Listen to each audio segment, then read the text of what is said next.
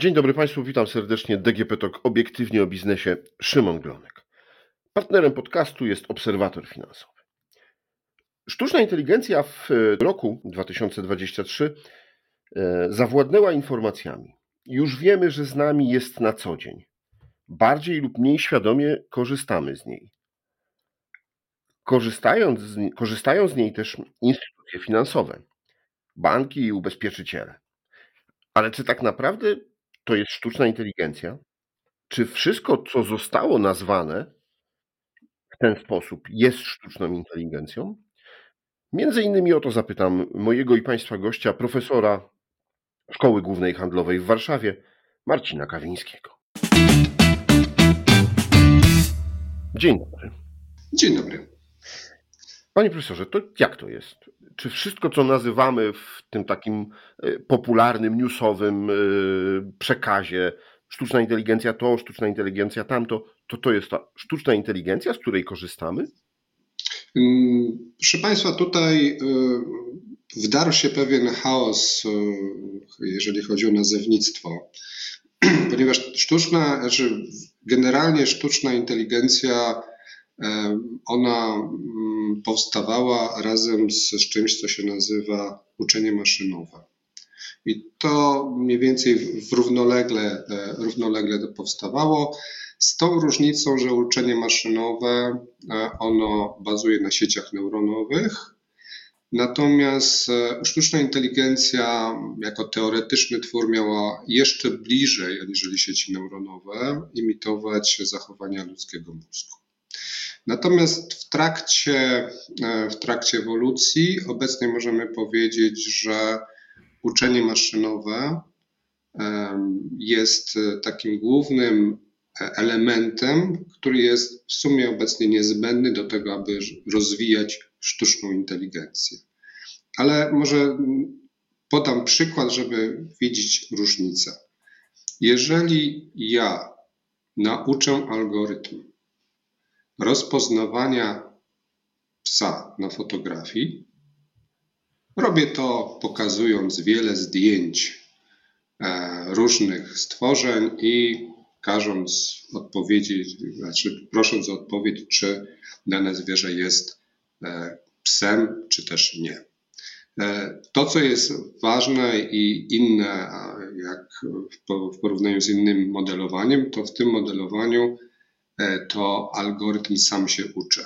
Czyli ja podaję zbiory danych, natomiast algorytm już sam wyciąga wnioski, które elementy brać pod uwagę, aby poprawnie e, odróżnić psa od niepsa.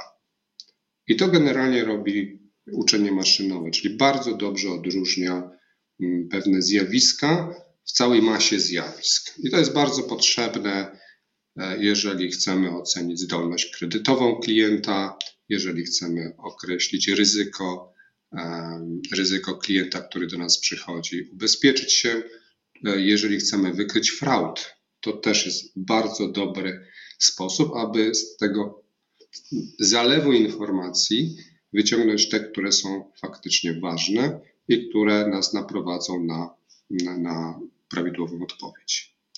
Natomiast jeżeli pójdziemy krok dalej i poprosimy o stworzenie obrazu typowego psa, to tym już zajmie się sztuczna inteligencja. Czyli jeżeli mamy tworzenie czegoś nowego, nie jedynie kategoryzację, a już tworzenie czegoś nowego. Mhm.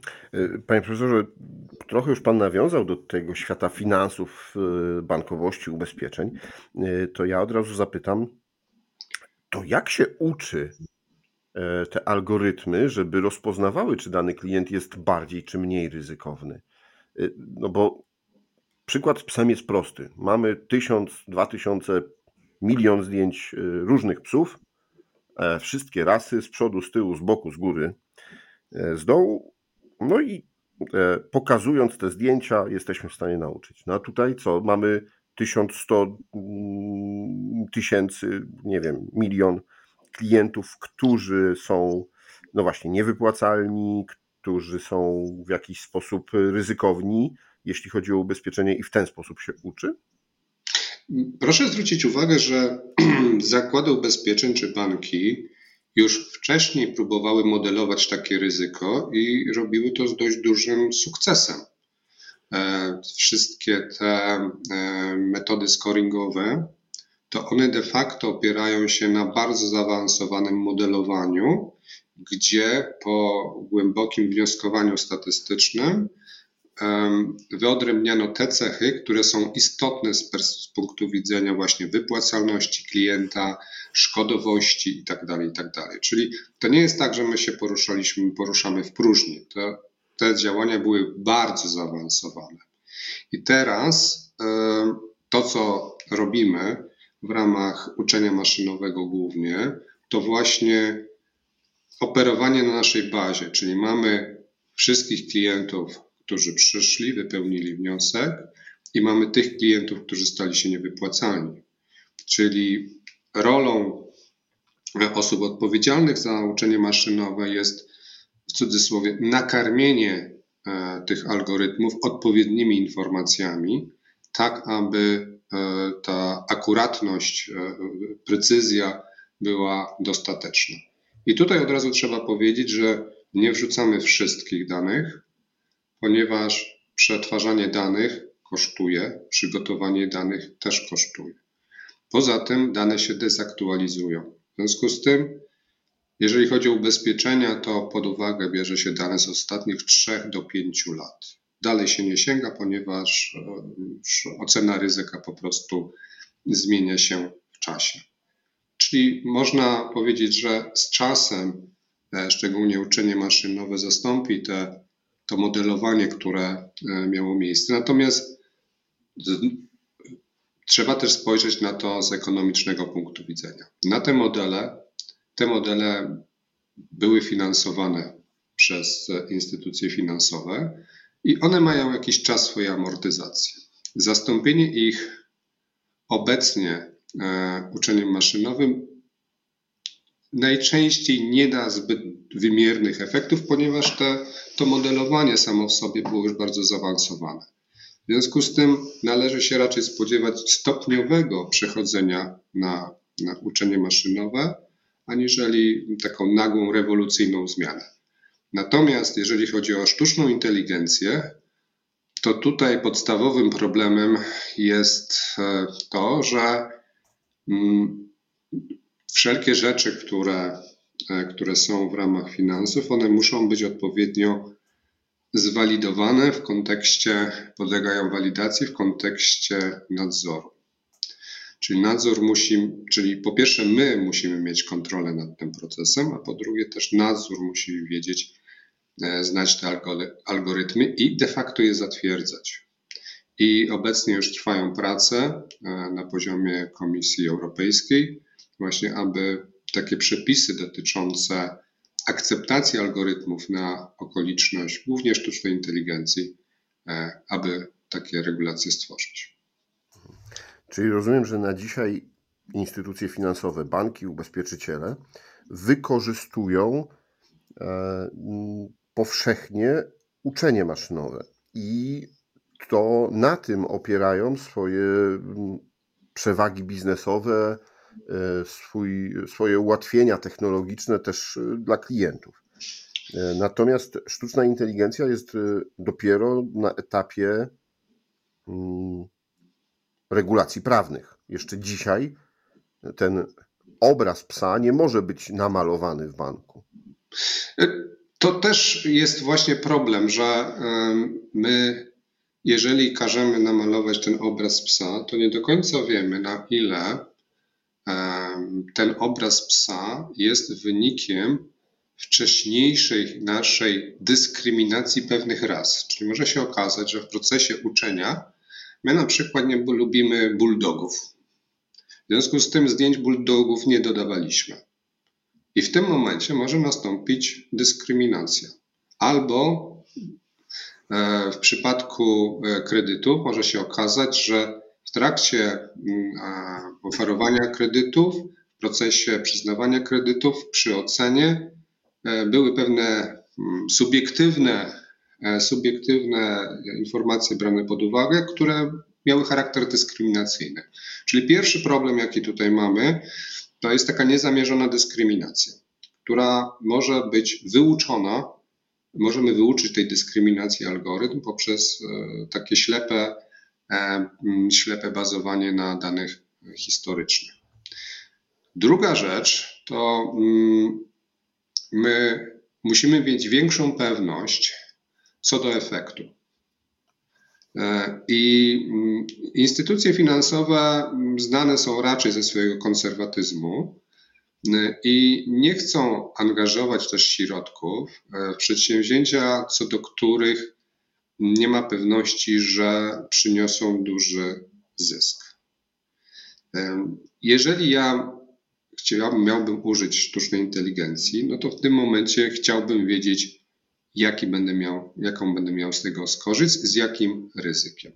I na razie to ryzyko jest e, relatywnie duże, natomiast zysk nie jest aż tak e, imponujący. W związku z tym wydaje mi się, że chociażby z biznesowego punktu widzenia na użycie sztucznej inteligencji mm, będziemy musieli jeszcze poczekać, ale to akurat dobrze, bo to powinien być proces bardziej ewolucyjny niż rewolucyjny.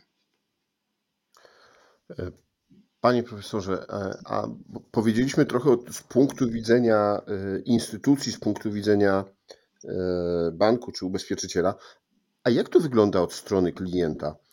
W czym to uczenie maszynowe pomaga nam, klientom, jeśli chodzi o, nie wiem, bankowanie, jeśli chodzi o możliwości ubezpieczenia się?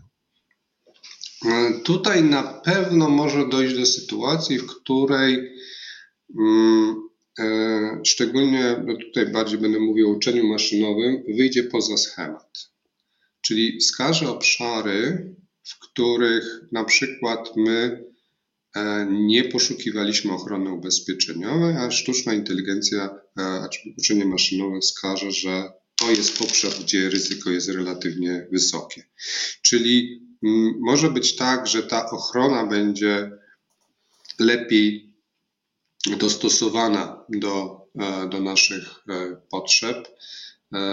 I, I, w tym momencie to jest ta, ta korzyść dla, dla klienta. Jeżeli mamy proces inwestycyjny, to nasz profil jako klienta, jako inwestora też może być lepiej rozpoznany i nasze potrzeby, jeżeli chodzi o bezpieczeństwo, czy też akceptację strat, czy też apetyt na ryzyko. Czyli tutaj e, faktycznie może dochodzić do, do takich zmian, do takiego, takiej optymalizacji. Natomiast należy e, pamiętać, że obecnie cały czas będzie ktoś za to odpowiada, czyli albo za to odpowiada dystrybutor, albo za to odpowiada pośrednik, albo no generalnie instytucja, która, e, która oferuje tego typu produkt. Czyli na końcu e, zawsze ktoś się pod tym musi podpisać, no chyba, że mamy roboporady, ale nawet w przypadku roboporad e, to tutaj odpowiedzialny jest po prostu podmiot, który to oferuje. Mhm. Czyli mm, rozumiem, że to jest tak, że jeśli korzystam z, nie wiem, bankowości mobilnej, bo ona jest chyba teraz taka najbardziej powszechna i popularna, mocno się rozwijająca wśród wielu klientów, e, no to tutaj e, mogę dostać podpowiedź automatyczną. E, słuchaj, mamy taki instrument, który do ciebie by pasował, bo nie wiem, lubisz większe ryzyko, ale też większe zyski, jesteś gotów ewentualnie na poniesienie takiej straty. I to tutaj już nie będzie robił, czy nie robi tego doradca człowiek w banku, tylko znając moją historię finansową, e, może to robić algorytm, który będzie mi takie podpowiedzi dawał, ale i tak odpowiedzialność za to, e, za ten instrument ponosi bank, no i ja w momencie, kiedy zdecyduję się i podpiszę umowę na realizowanie tej usługi. E, tak, ale jednocześnie trzeba pamiętać, że cały ten proces związany z poradą, on podlega odpowiednim regulacjom. W związku z tym, e, mimo że jest to porada wygenerowana przez algorytm, to i tak podmiot, który doradza, odpowiada czy ta porada była w sposób właściwy da, podana, czy właściwie zbadano moje potrzeby i tak dalej, i tak. W związku z tym tutaj to, co normalnie byłoby zebrane w formie wywiadu, obecnie jest zbierane w formie danych, które są zaciągane z mojego konta. Natomiast nie zwalnia to mm, dystrybutora, tego, który oferuje te produkty, z obowiązku mm, właściwego przeprowadzenia i wytłumaczenia przed nadzorem, dlaczego uważam, że ten proces porady był odpowiedni. Mhm. Y, wróćmy jeszcze do tego takiego makro spojrzenia. Y, no bo z jednej strony to są instytucje, no ale y, z drugiej strony banki też są oceniane, czy w Polsce przez KNF, czyli nadzorcę, czy przez inne banki, czy bank centralny pod względem płynności, wydajności i wszystkich takich rzeczy. Czy tutaj też te algorytmy już mają coraz większe znaczenie? E, tak, oczywiście. To mm, właśnie przy funkcjach kontrolnych e, te algorytmy mają coraz większe zastosowanie. ZUS wykonuje e, z, z powodzeniem korzysta właśnie z uczenia maszynowego, aby właśnie typować podmioty do kontroli.